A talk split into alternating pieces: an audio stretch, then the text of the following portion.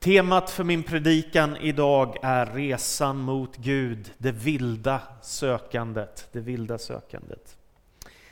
När jag har mött människor under mitt liv så har jag konstaterat att alla människor är sökare.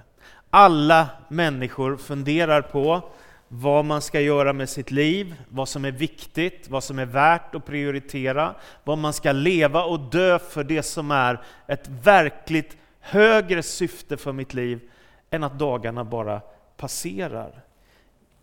Och när jag växte upp i Stockholm och var tonåring, då kom en eh, låt av rockbandet U2 som hette I still haven't found what I'm looking for. Har ni hört den? Är det några som har hört den? Ja, några stycken, vad bra. Den slog över hela världen. Jag kollade upp nu härom, häromdagen. Eh, mer än en halv miljard människor har lyssnat på den här sången. Som texten lyder alltså, jag har fortfarande inte funnit det som jag söker efter eller letar efter. Och jag har läst på lite grann om det där och då berättar Bono, som är sångare i det här rockbandet, ett av världens mest kända band, U2, att det var hans kollega, gitarristen The Edge, som hade läst lite den här boken Kristens resa av John Bunyan, en av världens mest tryckta och sålda böcker. Och han hade liksom fått den här pilgrimsresan framför sig genom livet som en bild. Och så säger han, Eh, att ja, men jag har inte hittat fram, och Bono berättar att ja, men det är exakt detta, jag har inte hittat fram, och han brottas med tvivel, och han känner ju kristna, har vuxit upp i en kyrka, och ändå har han inte hittat fram. Precis vid den här tiden så får han problem med halsen, sångaren i U2. Och då går han till en läkare för att få hjälp med sin sångröst, för att han börjar få rejäla problem. Och så ber han honom att sätta sig ner och han blir helt övertygad, den här läkaren, om att ditt problem är inte hur du sjunger, utan att du är så orolig och så stressad. Det är det som är ditt bekymmer. Så han ber honom sätta sig ner, slappna av, lugna ner sig. Och sen så säger han så här, tänk dig att du är på en plats där du kan känna dig trygg och stark och lugn. Så det gör han. Och sen så säger han, berätta för mig vad du ser framför dig nu när jag ber dig slappna av så här. Där du kan känna dig riktigt trygg, riktigt lugn. Och då berättar han, jag ser som en strand där jag går fram tillsammans med en vän och vi kan berätta precis allt för varandra. Vi har en innerlig och varm gemenskap. Eh, och då frågar doktorn, vem är det som du vandrar med? Och det är då det händer. Då säger Bono, det är Jesus. Du vet, det är det här liksom, människor kan söka och man kan känna, jag har inte hittat vad jag söker efter och jag längtar. Och det är så många frågor och livet kan vara så svårt och ändå att komma till Jesus, det är något alldeles unikt att hitta fram till Kristus. Han berättar också vid samma tid i hans liv, det här är på 80-talet, så säger några vänner till honom, följ med, följ med oss till kyrkan nu på julafton. Vi ska gå till St. Patrick's Cathedral i Dublin, där de bodde. Och han är jättetrött därför att han har varit på resa, han har varit på resa i Tokyo och är alldeles slut efter en stor turné så att han somnar på gudstjänsten och hans kompis Ali slår honom i sidan så han vaknar till. Och när han vaknar till och får höra lite av berättelsen om Jesus och vad som händer vid hans födelse så skriver han så här i sin nyutgivna bok Surrender. Tanken på att Gud manifesterar sig själv är fantastisk nog att den kraften skulle försöka förklara sig själv och beskriva sig genom ett barn fött i yttersta armod bland skit och hö, ett litet barn. Jag kunde bara tänka wow, och tårarna rann för ner för mitt ansikte och jag såg det genialiska i detta. Och vill du ha ett riktigt fint samtal så kan du lyssna på när Bono samtalar med Eugene Peterson som gjorde den här nya bibelparafrasen. Han har ju gjort en enkel översättning av hela bibeln som heter The Message så sitter en av världens mest berömda rockstjärnor med en teolog och de pratar om Gud och saltaren och Bibeln och livet med Gud och vad det kan betyda. Det finns i varje människa, det är min övertygelse, ett vilt sökande. När en människa är ung så är det man ställs inför massor av livsavgörande beslut och man ställs inför massor av livsfrågor. Och som ung och oerfaren så ska man helt plötsligt fatta livsavgörande beslut, vad man vill prioritera sin tid på, hur man ska leva, Eh, vilken livskamrat man ska välja, vilken utbildning man ska gå, vilken typ av arbete man vill ha. Och alla de här frågorna kommer som en chock nästan tror jag för unga människor som måste fatta så många beslut. Och under ytan så finns det ett slags driv på oss alla, ett vilt driv skulle jag vilja kalla det för, som kan ta oss antingen mot Gud eller bort ifrån Gud. Och det här är också en helt avgörande fråga för hur människor lever sina liv. Vad väljer vi och hur vandrar vi? Jag läste just i The Message-bibeln, då, den, en väldigt enkel bibelparafras av bibeln. Där stod det vilken vacker och vild värld du har skapat Gud i Psaltaren 104. Vilken vacker och vild värld du har skapat. Livet innehåller så många mysterium, så många utmaningar. Och därför måste varje människa fundera på vilken väg ska jag ta och hur stora konsekvenser kommer det få i mitt liv och vad ska jag prioritera?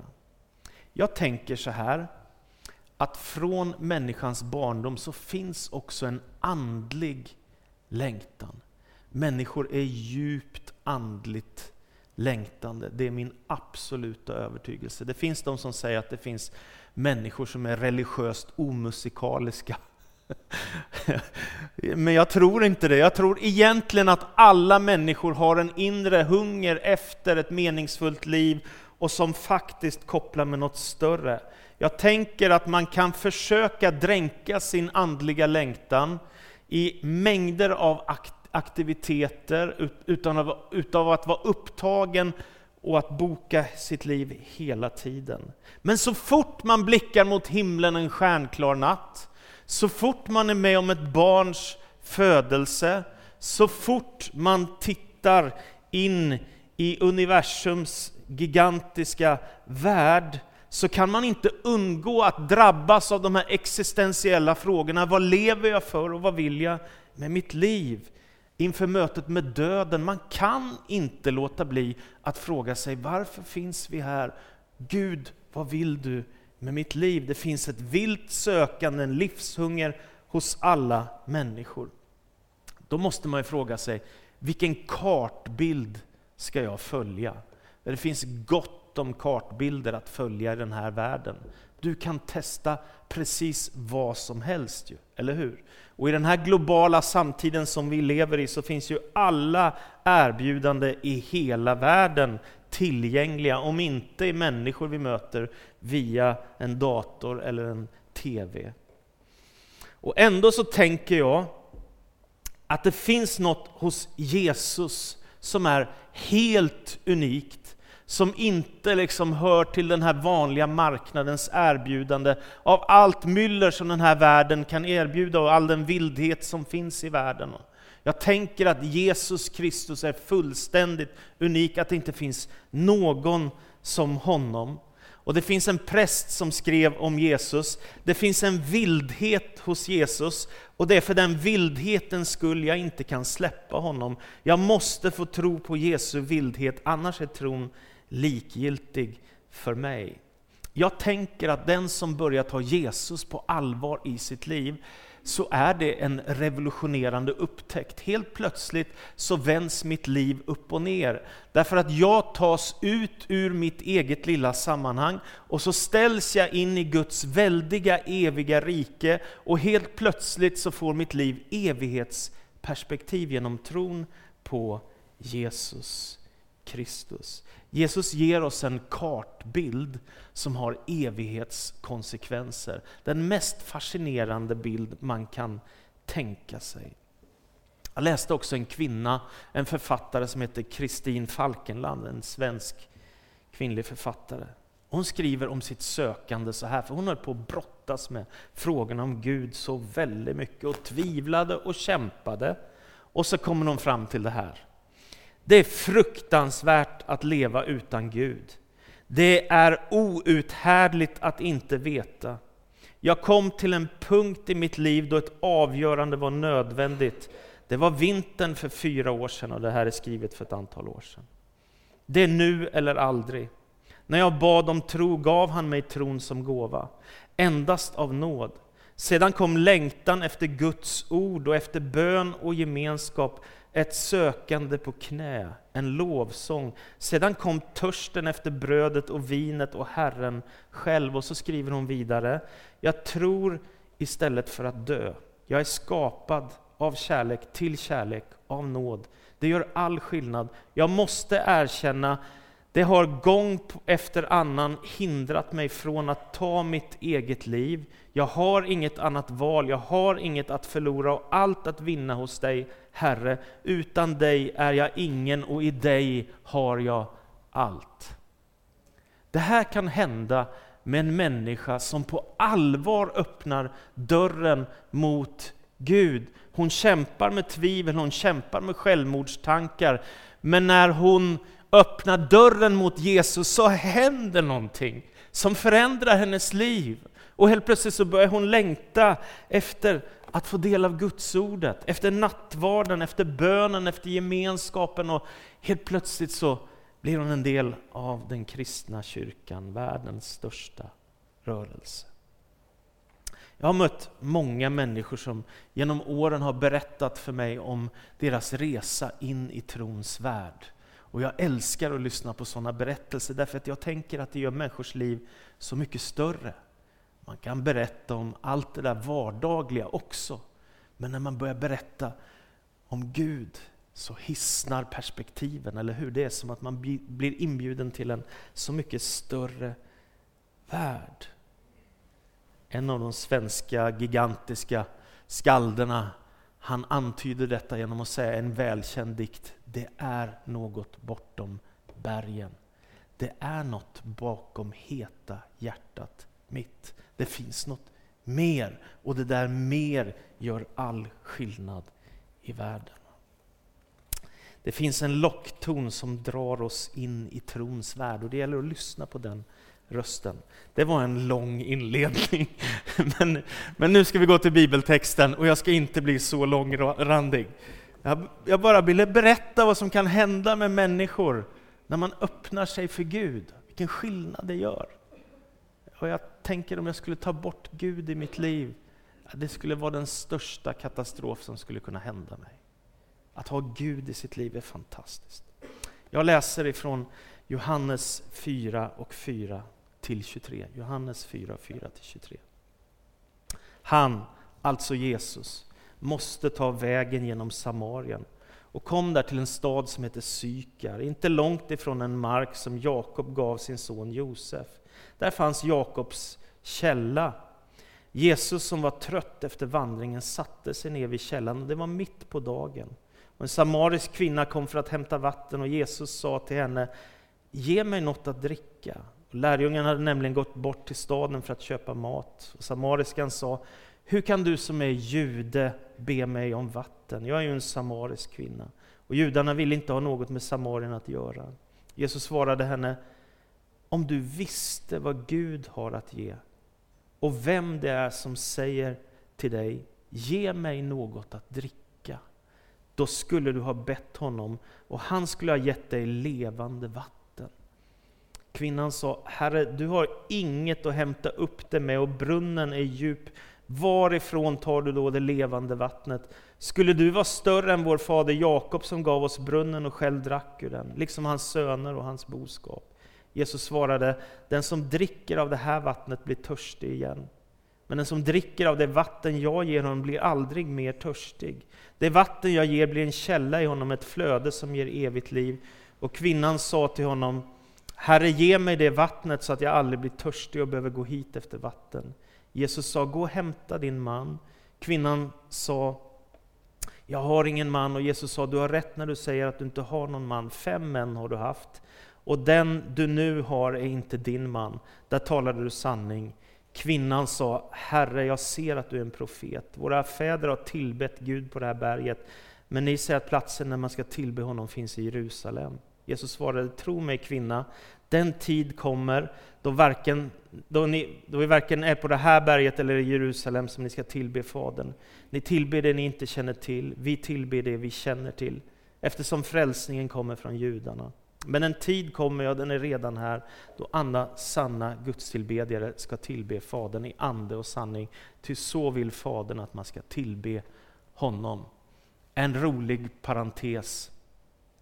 Det var ett bröllop och på detta bröllop så ska en vän skicka en bibeltext till sin väninna som gifter sig för första gången, ung och lycklig. Och hon ska skicka en text ifrån första Johannes brev kapitel 4, där det står så vackert om kärleken. Men ettan faller bort i hälsningen, så istället blir det Johannes 4, där det står Fem män har du haft och den du nu har är inte din man. Ja, så kan det gå. Det gäller att inte missa ettan där när man kommer till Bibeln då, utan det gäller att säga vad som är, rätt text. Så är det. Jag tänker att det här är en berättelse om en kvinnas vilda sökande. Hon kommer mitt på dagen till Jakobs källa. Och då tänker ni kanske, vad är Jakobs källa? Abraham, Isak, Jakob. Det här är jättelänge sedan. En urgammal källa från första Moseboks tid alltså, som de kommer till den här dagen. Kvinnan kommer mitt på dagen när solen är som allra hetast, antagligen på grund av det rykte som hon har, som hon har dragit på sig med den livsstil som hon har haft. Jag tänker mig att det kan vara så. Hon går för att hämta vatten. Det hon inte har en aning om är att den här dagen så ska hennes liv förvandlas fullständigt. Därför att hon kommer möta Jesus Kristus. Så samtidigt som hon kommer till Jakobs källa för att hämta vatten, så kommer Jesus till Jakobs källa. Och så säger Jesus till den samariska kvinnan, som det judiska folket då inte ville ha något med att göra på grund av deras kompromisser kring andlighet och tro och massa problem i historien.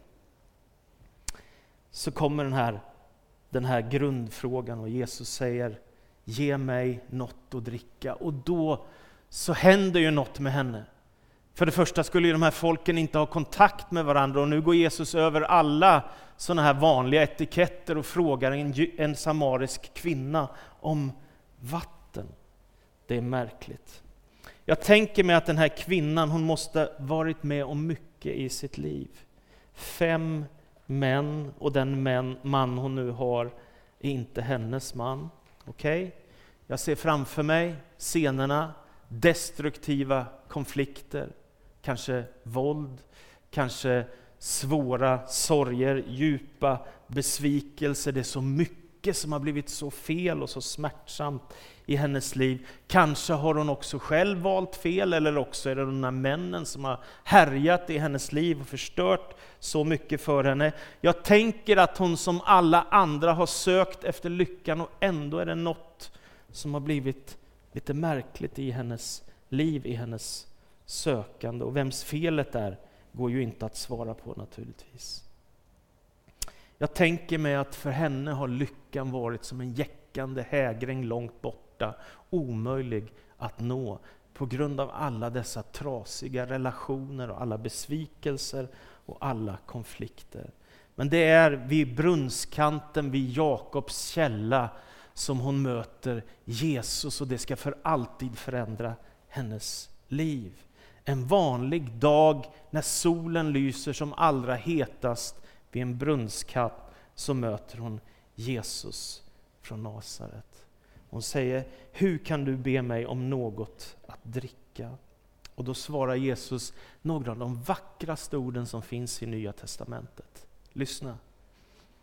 Om du visste vad Gud har att ge och vem det är som säger till dig, ge mig något att dricka, då skulle du ha bett honom och han skulle ha gett dig levande vatten. Ja, jag älskar det här sättet att framställa evangeliet. Om du bara visste vad Gud har att ge. Och jag tänker så här, så här skulle jag säga till hela det sekulariserade Sverige. Om du bara visste vad Gud har att ge. Och vilken fullständig villoväg det är med sekularisering, att drivas bort från Gud, att inte ha Kristus i sitt liv, att inte ha hopp, att inte ha någon djupare mening, att inte se någonting bortom döden och ingen orsak till vår existens. Det är ett helt annat livsperspektiv. Och jag säger precis som Kristin Falkenland, det är förfärligt att leva utan Gud. Därför att det enda du har då, det är dig själv och dina omständigheter. That's it. Du föds där, du lever då och så dör du där och det var allt och inget mer. Med Gud så kopplar du ju med universums skapare och du kopplar samman med de väldigaste krafter som finns i hela universum. Och jag tänker på alla dessa miljarder stjärnor och allting som existerar i vår värld. De gör det, säger Gudsordet, för att Gud i begynnelsen har uttalat sitt maktord, så att få koppla med Gud. Det är det mest revolutionerande som en människa kan vara med om. Blir livet bara enkelt då? Nej, det vet vi ju alla att det inte blir. Men du är i alla fall aldrig ensam. Det är den stora skillnaden.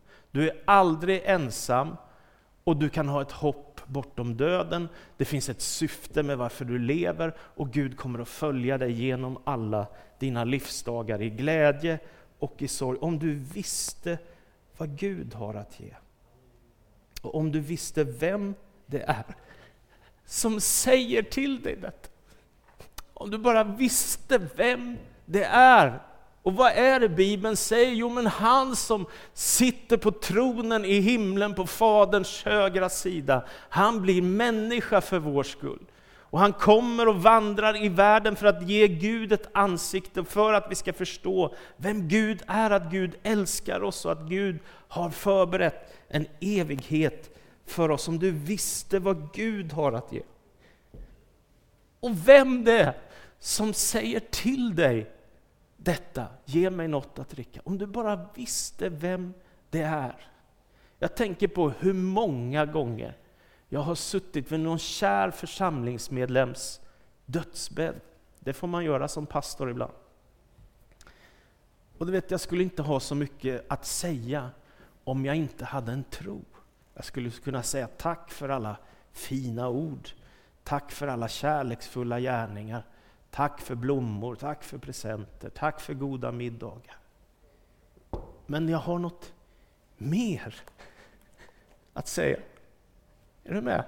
Alltså det här finns någonting som är omistligt för en människa. Att få säga Gud håller dig i sin hand.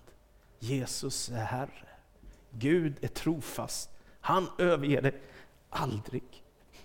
Om du visste Gud är, om du visste vad Gud har att ge. Det här, du vet, man tänker sig så här, ja men om jag kopplar bort Gud i mitt liv, då blir jag ju fri. Asså, tycker du det? Det har jag sällan sett, att människor blir fria av att gå bort ifrån Gud. Jag tänker tvärtom att, att man går in på villovägar som leder till, förr eller senare, till desperation. Jag har ingenting mer än mig själv, eller mina mediciner, eller min hjälp jag kan få. Om du visste vad Gud har att ge. När man öppnar dörren till Jesus när man börjar leva i Guds ordet så är det hisnande perspektiv. Det händer något med ens själ, det händer något med ens hjärta. Och stänger man den här boken och inte låter den leva och inte finnas, så, så tänker jag att livet blir väldigt mycket mindre. Det är min absoluta övertygelse. Livet blir väldigt mycket mindre. Och det är därför man behöver öppna den här boken gång på gång. Och så säger Jesus till den här kvinnan, om du bara visste och om du visste vem det är som säger till dig, då skulle du ha bett honom om levande vatten. Om levande vatten.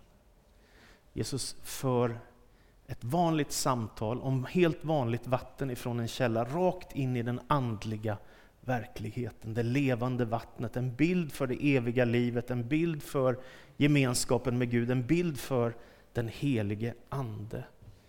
Du skulle ha bett om levande vatten.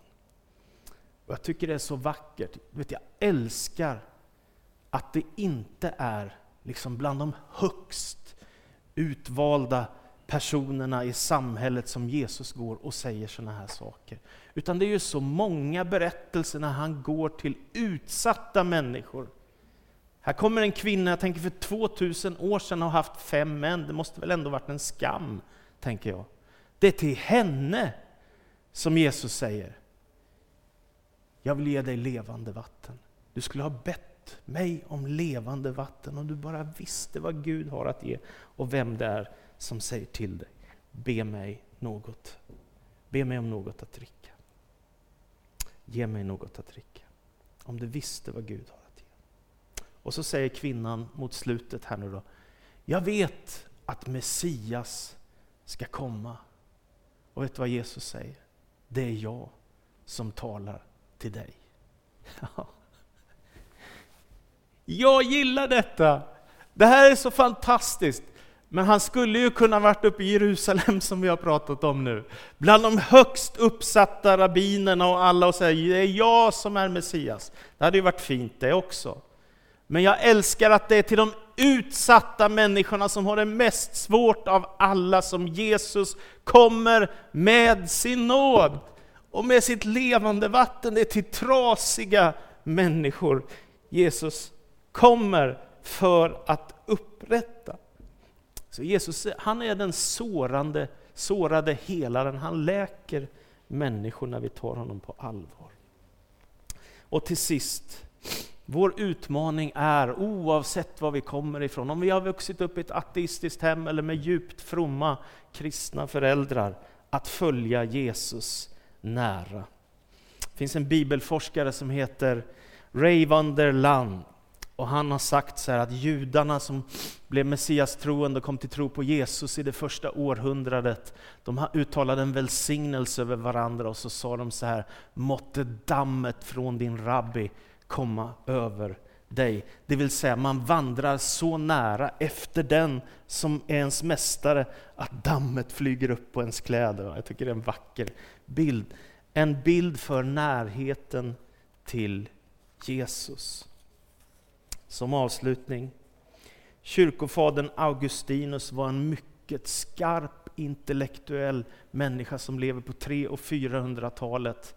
Han kommer till Kartago för att studera och hans föräldrar har sparat pengar som bara den för att han ska lyckas i sin akademiska karriär och få all den utbildning som han behöver. Och så kommer han till denna stad och han ser alla frestelser som finns där sexualiteten, pengarna, makten, inflytandet, de intellektuella universitetet. Allt detta finns som en hel värld som öppnas för denna unge man. Och han kan inte motstå, utan han faller rakt in i allt av vad frestelser heter. Och ändå är han otillfredsställd. Fast han går rakt in i allt det som världen kan erbjuda. Han har en djupare hunger i sitt liv som inte blir tillfredsställd. Och så händer det att en dag så hör han ett barns röst säga ta och läs. Och så läser han ur Nya Testamentet och så står det där, lev inte som hedningarna liksom med vilt festande och i orger och grejer. Utan lev det nya livet, fritt citerat nu. Och det slår ner som en bomb i hans liv. Och så skriver han en av de finaste kristna böcker som har skrivits i historien som heter Augustinus bekännelse. Den är på 300-400 sidor någonting, redan på 300-talet och han berättar sin fulla berättelse om hur han kommer till Gud. Och så inleder han med att skriva För sent kom jag att älska dig, du eviga skönhet så underbar. Och så skriver han, våra hjärtan är oroliga i oss till dess de finner vila i dig, o Gud. Och när han kommer till en kyrka i Nordafrika så säger de, du ska bli våran biskop. Det är rätt märklig historia det där. Han som har levt rövare, han blir biskop i Nordafrika och en av de mest inflytelserika i den kristna kyrkans historia. Det är märkligt. Vad Gud kan göra när han får tag på en människa. Så jag vill bara skicka med dig. Jag tror det räcker att veta om detta. Om du bara visste vad Gud har att ge. Ja, och vem det är som säger till dig, ge mig något att dricka. Då skulle du be honom om levande vatten. Det kan man göra i bönen, i lovsången, i gudstjänsten, i naturpromenaden, i gemenskapen med kristna, i livet med Gud, i andaktsboken eller vad du vill. Bara sök och du skall finna. Amen. Så tackar dig Jesus Kristus för din innerliga godhet och storhet. Tackar dig för att du har inte kommit för att paja livet för oss. Du har inte heller kommit för att göra oss till religiösa tråkmånsar, Herre. Utan du har kommit för att göra människor fria, för att upprätta och läka människor. Jag är så tacksam för att du går till de mest utsatta människor och ger sådana enorma inbjudningar, Herre. Och jag tänker om det gäller för dem så måste det gälla för oss, Herre. Om, om de mest utsatta människorna får evangeliet, ja då måste ju också vi kunna få det här idag, Herre. Förbarma dig över oss var och en, här och låt oss få söka ditt ansikte och din närvaro, Herre. Ingen är som du. Amen. Amen.